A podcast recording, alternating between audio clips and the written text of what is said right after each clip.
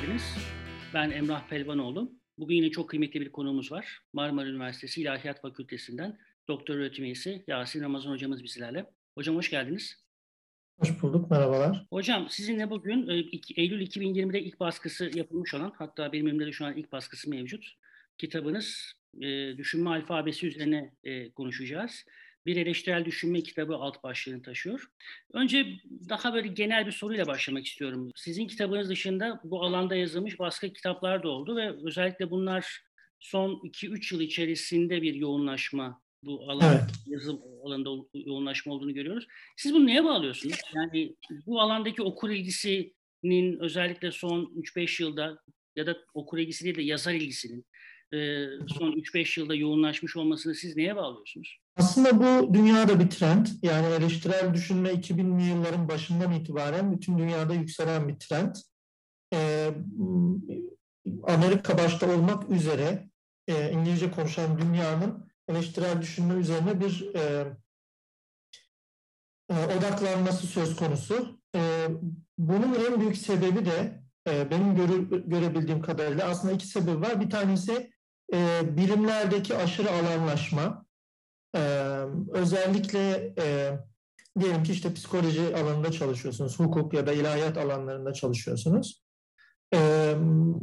Oradaki yöntemler ve bilgi birikimi sizi e, belli konularla ilgili kısıtlamaya başlıyor. Evet, imkanlar veriyor ama o konularla il, e, ilgilendikçe e, bağlamı kaçırmaya başlıyorsunuz. Dolayısıyla düşünmede hataları tespit etmekten uzaklaşabiliyorsunuz. Yani bir nevi işte e, ağaca odaklandığınızda ormanı gözden kaçırmaya başlıyorsunuz. Bu birinci nedeni. E, ikinci nedeni de e, 20. yüzyılda e, felsefe analitik gelenek itibariyle belli bir takım e, aşamalar kaydetti. Bunlardan bir tanesi, en önemlisi e, dile dönüş dediğimiz bir e, linguistic turn dediğimiz e, olay. Bu olayın e, artık e, diğer bilimleri de etkileyecek bir e, versiyona geldiğini görüyoruz. Eleştirel düşünme aslında bu analitik düşünme yönteminin tamamen akademik olandan daha yaygın bir hale gelmesinin e, sonucu olarak işte 2000'li yıllardan itibaren farklı alanlarda kullanmaya başlaması demek. Çünkü analitik yöntemdir genel olarak. Bu bağlamda şüphecilikle eleştirel düşünme arasında doğrudan bir ilişki vardır diyebilir miyiz? Yani Tabii yani şüpheci olmak zorundayız. Ee, bir zihin olarak. Çünkü her taraftan sürekli mesajlar geliyor, sürekli iddialar duyuyoruz. Yani metropollerde yaşayanlar olarak sürekli işte sosyal medya aracılığıyla reklamlarla, siyasal propagandalarla sürekli bir şeyler iddia ediliyor ve bu iddialar arasında seçme yapmak zorundayız. Hepsine aynı anda inanamayız yani. Burada bir de son dönemlerde ilginç bir fenomenle karşı karşıyayız. Şüpheciliğin bilim karşıtlığına tırnak içerisinde evrildiği e, alternatif bir e, tırnak içerisinde söylem alanı oluştu ve hızla da yaygınlaşıyor ve büyük kitlesel alıcıları da var. Yani evet. bir Amerikan başkanı seçtirecek kadar. E, bunu nasıl yorumluyorsunuz? Yani şüphecilik bir yandan eleştirel düşünmenin, rasyonelitenin Descartes'tan bu yana hani ön koşulu olarak oraya yerleşmiş evet. olan bir e, yöntem, bir üslup. Yani siz bu konu hakkında ne düşünüyorsunuz? Evet, e, yani büyük ihtimalle ilk söylediğiniz gibi yani e, böyle bir yükseliş vardı zaten. E, nasıl diyelim karşı karşı aydınlanma gibi bir şey diyebiliriz buna. Şüphecilikten şüphecilik, şüphe etmek gibi. E, tabii bu e, bu yeni bir trend değil. Aslında bizim e, medyanın, e, daha doğrusu sosyal medyanın e, etkilerinden bir tanesi olarak görmek mümkün bunu. E, özellikle işte Facebook, Twitter gibi ortamlarda insanların bilgi akışıyla ilişkisi e, bütün geleneksel normlardan ayrıştı. Yani e, aynı anda hiç tanımadığınız, bilmediğiniz insanlarla bir araya gelebiliyorsunuz ve daha önce hiç düşünmediğiniz şeylerle karşılaşıyorsunuz. Dolayısıyla orada bir savunma refleksi geliştirmek zorundasınız.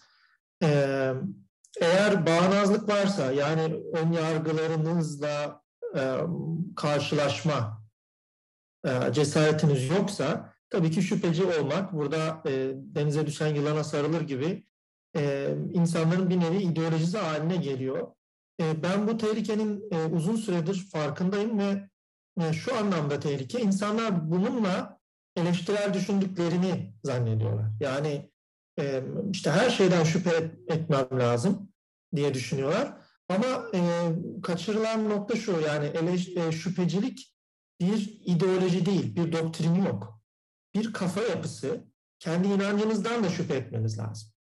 Yani e, Descartes'in ya da daha sonra bu bu metodik şüphecilik dediğimiz yöntemin e, en önemli e, anahtarı kendi inançlarınızdan da şüphe etmeniz lazım. Yoksa her inançtan şüphe edeceğim ama kendiminkini haklı çıkaracağım dediğimde zaten eleştirel düşünmenin tam tersini yapmış olursunuz. Her zaman siz haklı çıkarsınız. E, bu trend tabii e, popüler şüphecilik yani Fox-based skeptisizm İngilizce'de Fox-based skeptisizm deniyor.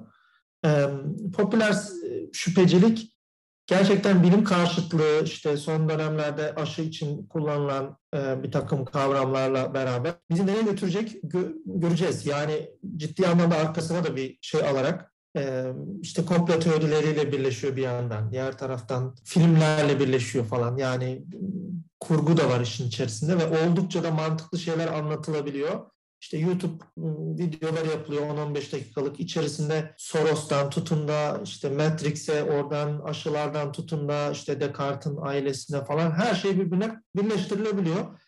Ee, eleştirel düşünme aslında bunun tam olarak şunu soruyor. Yani bu buraya hangi soruyla geliyoruz ve bunlar birbiriyle bağlantılı mı? O yüzden hala e, eleştirel düşünme burada kilit rol oynayabilir. Burada sizin söylediklerinizden şöyle bir sonuca verdim ben. Eleştirel düşünme o zaman de facto aslında bir öz düşünümsel süreci de dayatıyor. Yani şüphecilik kendine atfediyorsan önce bir öz düşünümsel süreçle kendi düşüncen üzerine düşünerek ya da kendi düşüncenin yöntemsel metodik arka planı üzerine düşünerek başlamalısın ilk adımda. Eleştirel düşünme adına dakika bir işte Sorosçusun diyerek konuşmaya başladığında ad hominemden bir tık öteye gitmiyorsun aslında. Evet, ee, aynen. Yaptığın şey bu oluyor. Bu bağlamda demek ki eleştirel düşünme ile öz düşünümsel süreçler ya da başka bir ifadeyle kritik yani soyut düşünme arasında doğrudan bir ilişki var galiba değil mi hocam?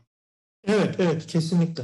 Yani e, ya eleştirel düşünmenin e, iki kolu varsa bunlar e, bir tanesi başkalarının düşüncelerini değerlendirmek, ee, diğeri de kendi düşünce ve inançlarımızın doğruluğunu test etmek, e, denetlemek yani.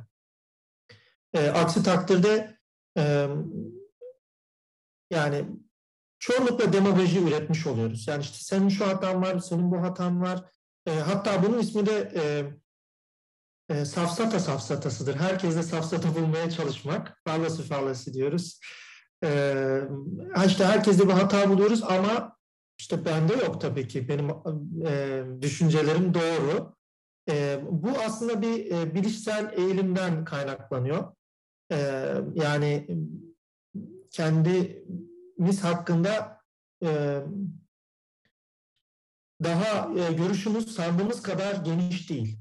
E, şey gibi mesela işte araba kullanırken e, sağ ve sol aynalarda işte göremediğimiz bir nokta oluyor değil mi? Yani tam tam yanımızdayken, araba tam yanımızdayken görebiliyoruz. Biraz arkadayken görebiliyoruz. Ama tam böyle arka kapının oralardayken araba görmek çok zor.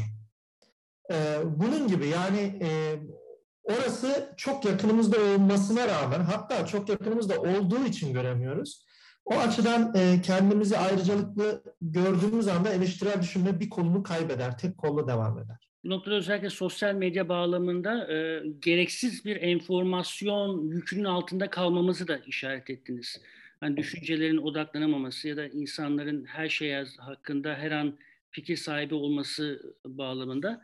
E, peki şöyle bir ayrıma nasıl gidebiliriz? Yani bir bilgi, bilgi, bilgi dediğimiz e, knowledge olarak e, daha sonra kullanıp üzerine sentezlemeler yaparak işlevselleştireceğimiz o çok ihtiyacımız olan ve eğitimimizin çok temel taşı olarak e, gördüğümüz şeyle bu bütün gün sosyal medyada ya da başka bir takım bağlamlarda maruz kaldığımız enformasyon olarak belki malumat olarak da söyle şey yapalım. Bilgi parçacıkları arasındaki ilişkiyi ya da ayrımı nasıl kuracağız? Ya da bunların arasındaki fark ne?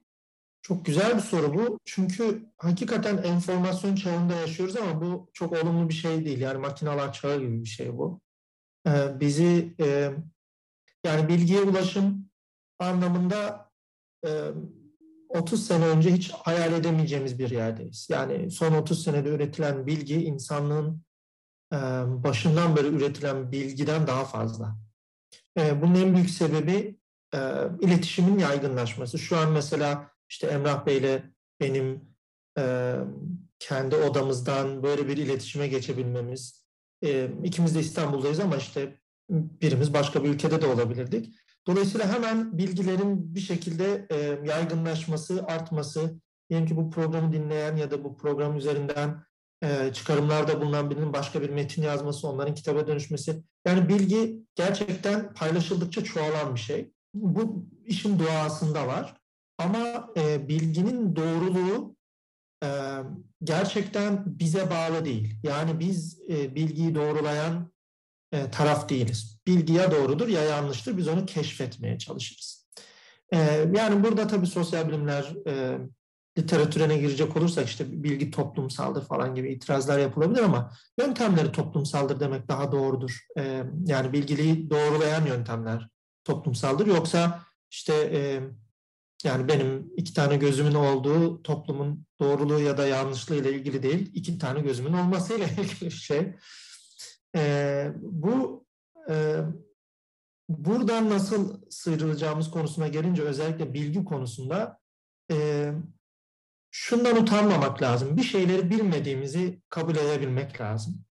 E, ve işte, işte sosyal medyada ya da arkadaşlarımızdan duyduğumuz bazı şeylerin e, sadece görüş olması, sadece bir e, duyum olması, ön yargı olması da mümkün. Yani insanlar duygularını da paylaşırlar ve duygular bilgi ifade etmez. Yani e, işte ben bir şeyden rahatsız oluyorum diyelim ki. E, bu rahatsızlığımın e, bilgi ifade etmesi gerekmez. Sadece duygu ifade ediyordur. Tabii daha önceden e, sosyal medya bu kadar yaygın değilken ya da iletişim daha e, yavaş gerçekleşirken arkadaş arasında dönüyordu böyle şeyler işte. Yani arkadaşınızın dediğine inanıyordunuz. Yani ne olacak? Onun etkisi ne kadar olacaktı? Ama şimdi e, söylediğiniz bir şey çok hızlı bir şekilde yayıldığı için o bilgi gibi geliyor. Yani malumat e, çok çabuk onaylanıyor gibi işte retweet, e, on, işte like ya da Facebook'ta e, paylaşma falan gibi şeyler onaylama gibi görünüyor. Dolayısıyla bilgi onaylamayla yayıldığı için aynı format oluyor ve biz karıştırmaya başlıyoruz. E bu kadar yayıldıysa bilgidir herhalde falan demeye çalışıyoruz. E, ama gerçekten çok büyük bir problem. E, sosyal medya şirketlerine de yöneltilmiş bir e, eleştiri var burada. Yani hatta bununla ilgili e, önlemler almadıkları için ceza da e, alabiliyorlar devletler tarafından ama ne kadar önlenebilir bilmiyorum ve bunun üzerinde işte farklı tartışmalar da oluyor, sansür uygulanıyor falan filan gibi. E, konu çok dağıtmadan şunu söylemek isterim. E, yani bir şey hakkında bilgi, ben en azından kendim nasıl e, neyi bildiğimi ya da neyin malumat olduğuna dair kendi kriterimi e, oluşturduğumu düşünüyorum. O da şu, e, bir konuda e, karşıt düşünceyi bilmiyorsam ve onun tezlerini gör görmediysem o konuyu bildiğimi iddia etmiyorum. O konuda görüşüm var. Şunu düşünüyorum. Şu şekilde bir fikrim var diyorum ama e, bu benim bilgi ifade etmiyor. Kendim için de başkası için de. E, karşıt görüş gördüm ve karşılaştırma imkanım olduysa artık diyorum ki tamam bak şöyle de bir görüş var, böyle de bir görüş var. E, ben bunu tercih ettim. Nedenleri daha güçlü dediğimde benim için e, malumatla bilgi ayrılmış oluyor. Peki bu bağlamda inanç ve bilgi arasındaki ilişkiyi nasıl kurabiliriz? Çünkü yani genel kanı olarak inanç deyince de facto e, dogmatik inançlar. Hani e, iman edilen inançlar akla geliyor. Yani genel olarak genel kanı bağlamında.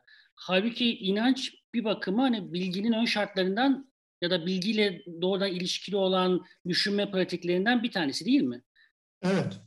Yani o bizim e, zihni bir kapasitemize if, e, ifade ediyor inanç. Tabii ki dini inanç da bir inanç türü. Yani e, metafizik konularda e, belli taraflar tutmakta belli görüşler sahibi, belli bir görüş sahibi olmak da inançla mümkün oluyor.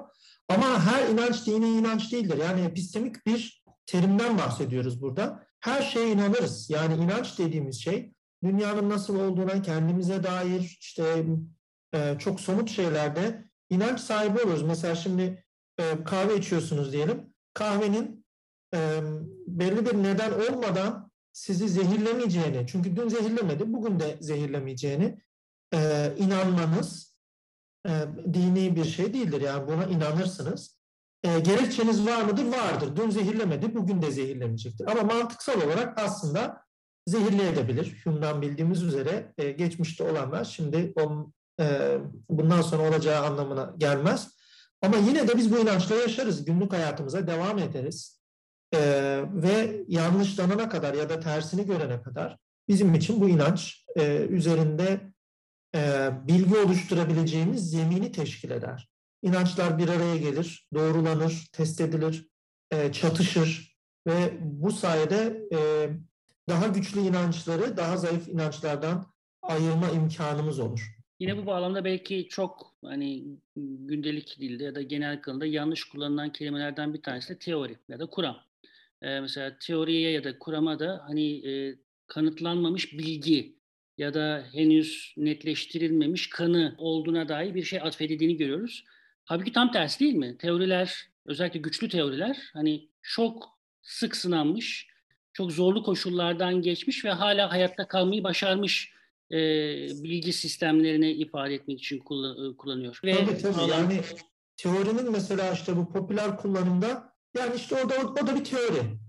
Yani işte e, aslında burada karıştırılan şey şu e, eriş, e, eleştirel düşünme kitabında düşünmenin alfabesinde yer almadı ama önemli bir konu var aslında. Evcil teoriler dediğimiz bir şey var. Bizim zihnimizi kullandığımız şeylerle ilgili. Mesela bunların çoğunu biz paylaşmayız aslında ve günlük hayatta bu teorilerle yaşıyor olabiliriz. Mesela işte suyu şu kadar kaynatırsanız çay şöyle daha iyi olur falan gibi. Hani bunu kimseye söylememiş olabilirsiniz ama böyle teorilerimiz vardır.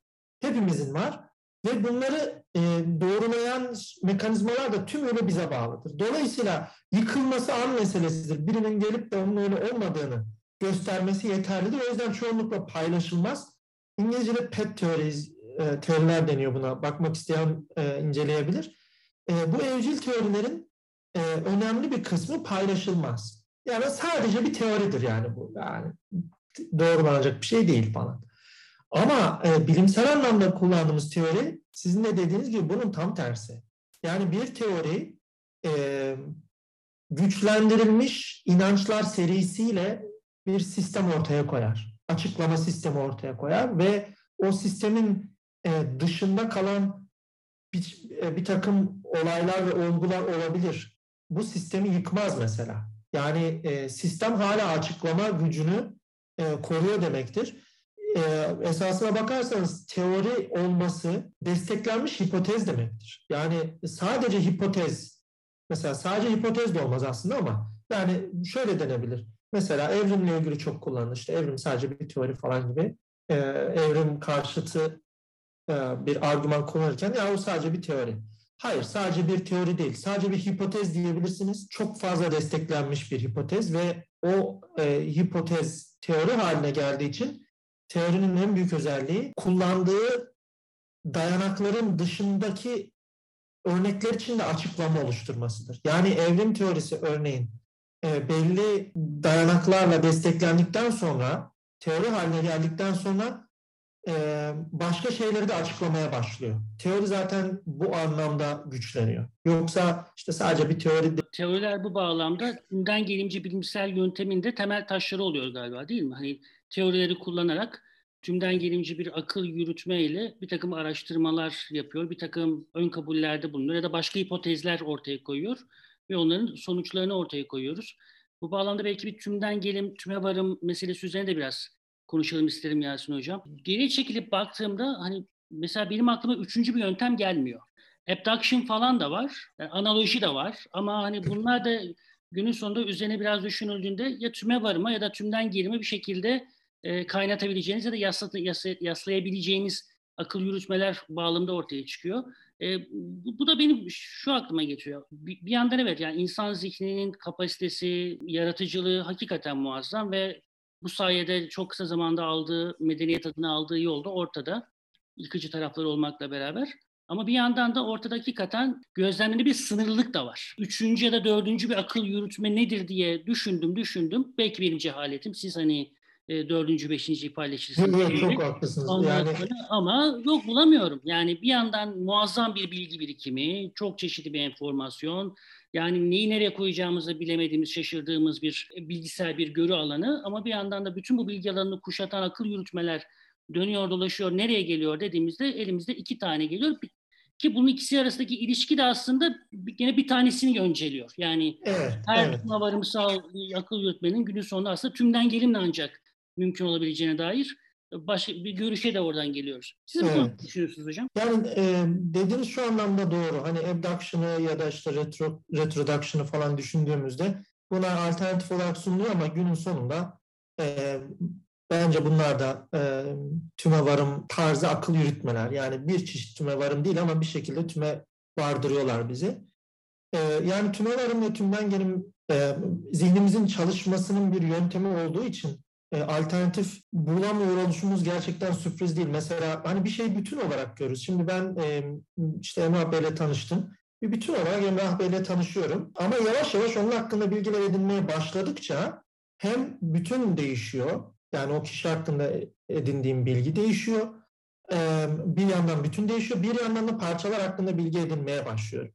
Yani bu iki süreç sürekli birlikte gidiyorlar. Medeniyet anlamında yani bilim ve felsefe tarihi anlamında konuşacak olursak tümden gelim yönteminin alternatifi olarak tüme varımın e, öne çıkarılması ve bununla bilimsel çalışmalar yapılması elbette Kant'ın çok büyük e, etkisi var. Ama e, onunla birlikte esasen yani resimden çıkarılan şey tümden gelim ya da tüme varım değil kesinlik. Yani kesinlik yok. E ne kadar emin olursak olalım. Kesinlik sadece işte tüme, tümden gelim argümanlarının geçerliliğinde söz konusu. Yani teknik bir yerde var. Onun dışında bütün bilgilerimiz e, sorgulamaya açık. Bütün düşüncelerimiz sorgulanabilir. Bu bilimsel bilgi de dahil olmak üzere. Çünkü e, teknik olarak bakacak olursak, e, kitapta da açıklamıştım bunu, bütün bilimsel e, argümanlar aslında geçersizdir. Ama geçersiz olması onları bir kenara atacağımız anlamına gelmiyor. Yani e, geçerli argümana ulaşmaya çalışıyoruz. Ama deneylerle, gözlemlerle elde ettiğimiz e, sonuçlar bize daha güçlü argümanlar veriyor. Daha inanmak için daha güçlü sebepler veriyor ve bu işe yarayan bir şey. E, bu da şu açıdan önemli bence bunu kabul etmek. Evet kesinliğe ulaşamıyor olabiliriz ve kesinlik aslında bir illüzyon da olabilir. E, daha alçak gönüllü bir şekilde yaklaşabiliriz dünyaya, bilgiye. Yani insan bu kadar e, kendi kapasitesini abartmamalı. E, yani bilebildik, bilebildiğimizin en iyisi. Ve daha iyi şeyler bilebiliyoruz ve bilim bu, bu anlamda e, şunu bize her seferinde kanıtlıyor. E, kendini yenileyebilen, kendi hatalarıyla yüzleşebilen, sürekli e, modifiye edebildiğimiz bir bilgi çeşidi ortaya koymuş oluyoruz. Bu da e, büyük bir başarıdır. Yani hiç yanlışlanamaz bir bilgiye ulaşmak gibi bir gayemiz zin olmasına gerek yok bilgiye bilgi demek için. İnsanın rasyonelliğinin tırnak içerisinde çok abartıldığını mı düşünüyorsunuz? Yoksa insanın duygusal tarafı ve rasyonel tarafı arasında ortaya konulmuş olan bu ayrım ya da bu ikili karşıtlık geçerli bir ayrım, ikili karşıtlık mıdır? Çünkü büyük kararların ya da çok dönüm noktası olabilecek olan bir takım şeylerin arkasında sürekli rasyonel bir takım çıkarımlar ya da açıklamalar arıyoruz. Ama bazen öyle şeylerle karşılaşıyoruz ki çok duygusal tepkiler, çok hani anlık bir takım e, reflekslerin çok büyük sonuçlar doğuracak şekilde bir takım dönüm noktalarına ya da sonuçlara vardığını görebiliyoruz. Yani bu ilişkiyi de düşündüğümüz zaman hani pür rasyonel ya da pür duygusal karar alma süreçleri gibi şeyden bahsedebilmek çok zor gibi değil mi? Çok zor. Yani e, işin aslına bakarsanız rasyonel olma güdümüz de bir nevi bir duygu. Yani şimdi biz rasyonelliği e, tabii biraz aydınlanmacı olarak ele alırsak işte duyguları için içine katmadan düşünmek falan diye e, adlandırabiliriz ama e, rasyonelliğin bu tanımı gerçekten çok tarihsel bir yere oturuyor ve o kadar da evrensel bir karşılığı yok. Yani rasyonel bir şekilde hareket edeceğiz e, ve bu bu bizi e, hatalardan koruyacak diye bir istekte bulunmamız aslında bir nevi bir duygudur. Yani gerçeklere uygun yaşayacağım ya da gerçeklere uygun düşüncelerimin, e, inançlarımın olması lazım. Demek e, bana kalırsa bir duygu, düşünce değil. Ama rasyonellik iyi engelleyen başka duygular, daha yoğun duygular da gelebiliyor. İşte öfke gibi, ne bileyim, nefret gibi, aşk gibi. E, bunlar e, rasyonelliğe ağır basıyor çoğunlukla. Ama e, rasyonelliğin çok e, dar bir tanımına ağır basıyor.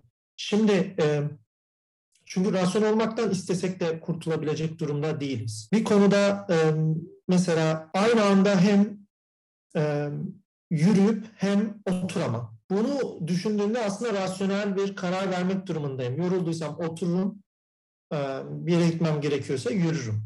Dolayısıyla bunun arkasındaki rasyonel tercihler bizi mecburen rasyonel bir canlı haline getiriyor. Ama bu duyguyla ne zaman hareket edeceğiz, diğer duygularla ne zaman hareket edeceğiz?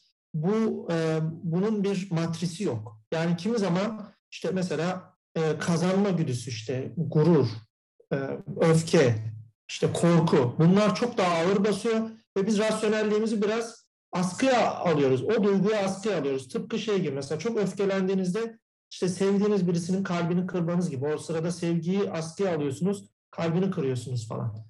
E, rasyonelliği de kimi zaman askıya alırız ama yani rasyonel olmadan duramayız. Yani bizim yapımız bu. Peki mantıklı olmakla rasyonel olmak arasındaki ilişki nedir? Yani mantık rasyonel olmanın toplumsal yöntemi. Yani birbirimize ne kadar rasyonel olduğumuzu göstermeye çalışıyoruz. İşte bakın benim öncüllerim şunlar. Bunlardan bu çıkıyor. Zorunlu olarak işte bunun P, P'den Q'ya gidiyorum. Buradan da R'ye gidiyorum. Dolayısıyla bunlar birbirini gerektiriyor diye kendi rasyonel süreçlerimi size anlatma yöntemi.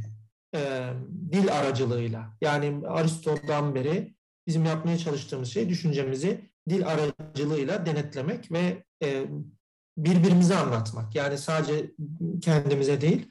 E, o yüzden e, yani bizim düşüncemiz kavramlara ve yargılara döküldüğünde e, denetlenebildiği için mantık burada çok önemli bir rol oynuyor. Yani ne kadar rasyonel olduğumuz ve rasyonelliği nasıl artırabileceğimiz gibi şeylerle. Bir düşüncemiz var ve bir o düşüncenin doğruluğunu ondan nasıl geçerli çıkarımlar yapabileceğimizi dile aktardığımızda yapabiliyoruz. Yoksa soyutlama olarak kafamızda kaldığında onlar duygulara benzer. Yani bir bulut su şeklinde. Yani bir şey düşünüyorum ama tam olarak ne düşündüğüm bile belli değil.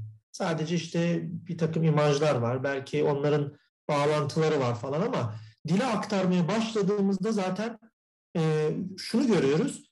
Hakikaten iş düşündüğümüz gibi değilmiş. Yani hatlar o kadar belli değilmiş. E, ya da düşündüklerimiz arasında bağlantılar çok daha farklıymış falan. Mesela bunu yazı yaz, yazma sürecinde fark ederiz genelde aslında aklımıza bir fikir gelmiştir. Aa ne kadar iyi falan. Yazmaya başlayınca biraz fark edersiniz ki ya düşündüğümüzden daha fazla bağlantı vardır ya da bağlantıda bir sorun vardır. Düşünürken fark etmemişizdir. O bunun en büyük sebebi yazarken belli bir içsel mantıkla yazıyoruz. O dili ona uydurmaya çalışıyoruz. Yani karşıdakini ikna etmek amacıyla. E, bu da şunu gösteriyor. E, dile ihtiyacımız, mantığa da dolaylı olarak ihtiyacımız e, rasyonel olmanın e, bir e, göstergesi. Yani rasyonel olduğumuz için buna ihtiyaç duyuyoruz. Daha da rasyonel olmaya çalışıyoruz ve rasyonelliği artırıyor. E, işte bir mantık kitabı okuyorum ya da bir filozofun, bir bilim adamının kitabını okuyorum ve orada onun akıl yürütme yöntemini kopyalıyorum mesela. Yani o böyle düşünmüş, doğru sonuçlara ulaşmış. Ben de bunun gibi düşüneyim diye.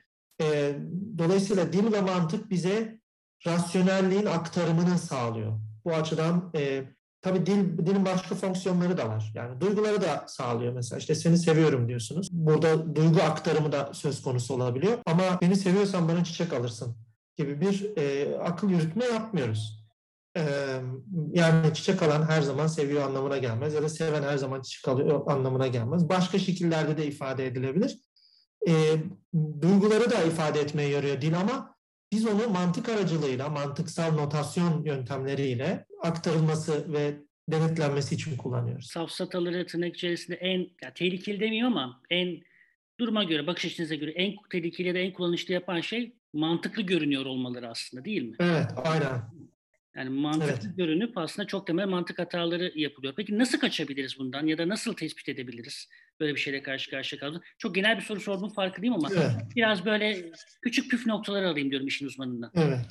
Yani şimdi safsatalar e, keşfediliyor. Hala e, 200 tane falan vardı en son bilmiyorum. Birkaç sene önce bakmıştım en son. E, safsatalardan tümüyle kaçmak mümkün değil. E, çünkü dilimize çok fazla yerleşmiş. Özellikle deyimler, atasözleri, ya da dildeki kullanımlarda çok fazla safsata e, olabiliyor. Mesela Türkçe'de e, bugün bir aklıma gelen bir şey mesela e, adam olsaydı şöyle olurdu böyle olurdu falan gibi bir kullanım var. Yani adam olmak dediğimiz şey tümüyle ad hominem. Adam karalama safsatası ama çok yerleşmiş yani çok doğal geliyor yani adam olsaydı şunu yapmazdı ya da şöyle söylemezdi falan. E, adamlık dediğimiz bir şey üzerinden insanları karalamaya e, yöneliyor. Bu bunun ismi de adam karalama. E, bunlardan 20 tanesi falan çok yaygın. Yani bütün dillerde tespit edebildiğimiz kadarıyla. Yaygın olmasının sebebi de e, dillerin pek çoğunda yatkınlık var. Bunların mantıklı görünmesi gibi. Yani dilin yapısı, doğal dilin yapısı çok mantıklı değil. Çünkü dili biz işe yaradığı mantıklı olduğu için değil. Mantığa vurduğumuzda bu doğal dil yapıları dökülebiliyor bazen. Ama öbür tarafta da doğal bir tarafımız var ve kullanıldığı için doğru gibi görünüyor. Dolayısıyla zihnimizi bir nevi böyle aldatmış oluyor. Yani bak ne kadar güzel geliyor. Adam olan şunu yapmaz. Adam olana bu çok bile falan. Ee, evet bak ne kadar sıralı bir düşünce. Ee, böyle gelince en temelde verilen gerekçe ne? Ve bu gerekçe e, haklı mı? Yani birisinin mesela işte aldığı maaştan memnun olmayan bir insan var. Yani çok düşük aldığını düşünüyor. Birisi de ona diyor ki adam olana o maaş çok bile.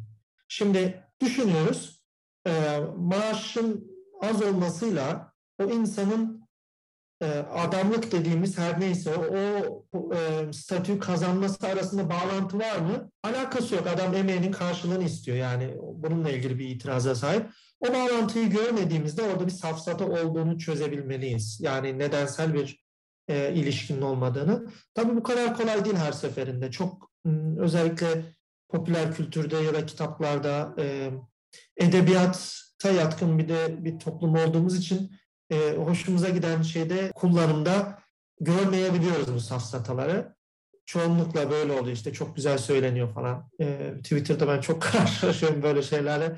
Çok güzel şeylerle karşılaşıyoruz ama tümüyle yanlış yani akıl yürütme.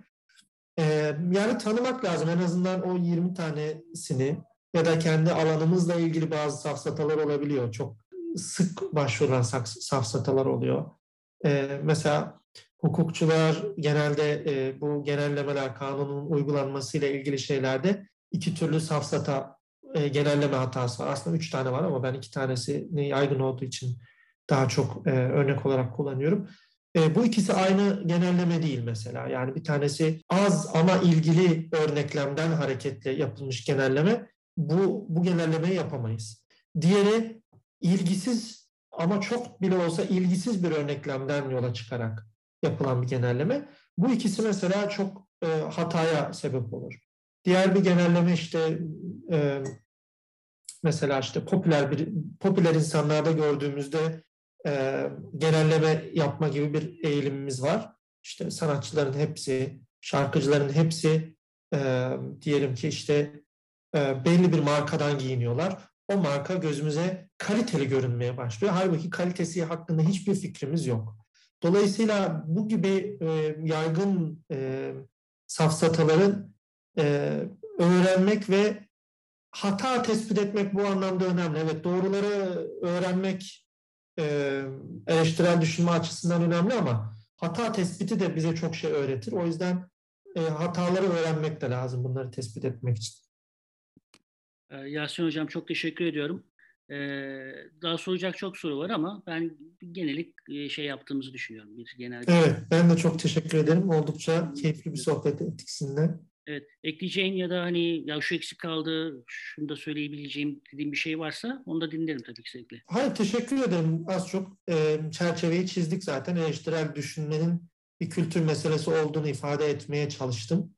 E, bu zaten e, akademik bir kültür. Yani sokakta bulmaya çalışırsak ya da dediğim gibi sosyal medya bununla devam etsin dersek e, hayal kırıklığına uğrarız en basit haliyle ya da kişisel ilişkilerde falan çok nadiren e, uygulanan şeyler ama gerçekten bilmek istiyorsak önemli konularda birbirimizi ilgilendiren konularda mesela hukukta mesela eğitimde mesela e, tıpta e, siyasette yani birbirimizi ilgilendiren konularda eleştirel düşünme kültürünün yaygınlaşması e, gerekiyor. E, evet işte bireysel ilişkilerde bu çok ya da kendimizle ilgili tercihlerde eleştirel düşünerek e, hareket etmek her zaman zorunda değiliz. Başkasını etkilemiyoruz. Ama ben bir e, hoca olarak mesela e, eleştirel düşünmeden derslerde e, ya da sınavları notlandırmaya kalkarsam bu büyük bir felaket olur. Aynı şekilde bir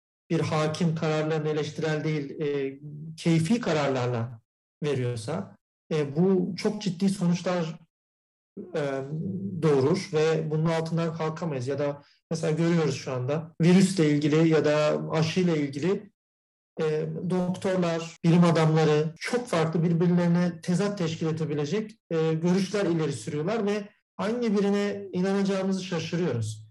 E, bunun en büyük e, e, sorumlusu bu insanların eleştirel düşünme yöntemlerini bilmemeleri. Mesela çok kesin konuşmaları. Bunlar bunlar bunlar bunu gösterir demek yerine işte bir popülarite oluşturabileceği için çok kesin e, ve keskin hatları olan ifadeler kullanmaları e, en azından bunu öğrenme aşamasında insanların bu e, farkındalığa kavuşmaları toplumsal açıdan da, kişisel açıdan da daha iyi yerlere ulaştıracaktır bize. E, bizi diye düşünüyorum. E, davetin için çok teşekkürler.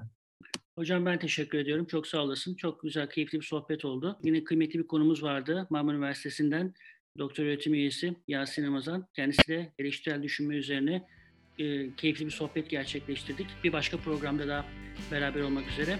E, esenlikle kalın diyorum efendim. İyi günler.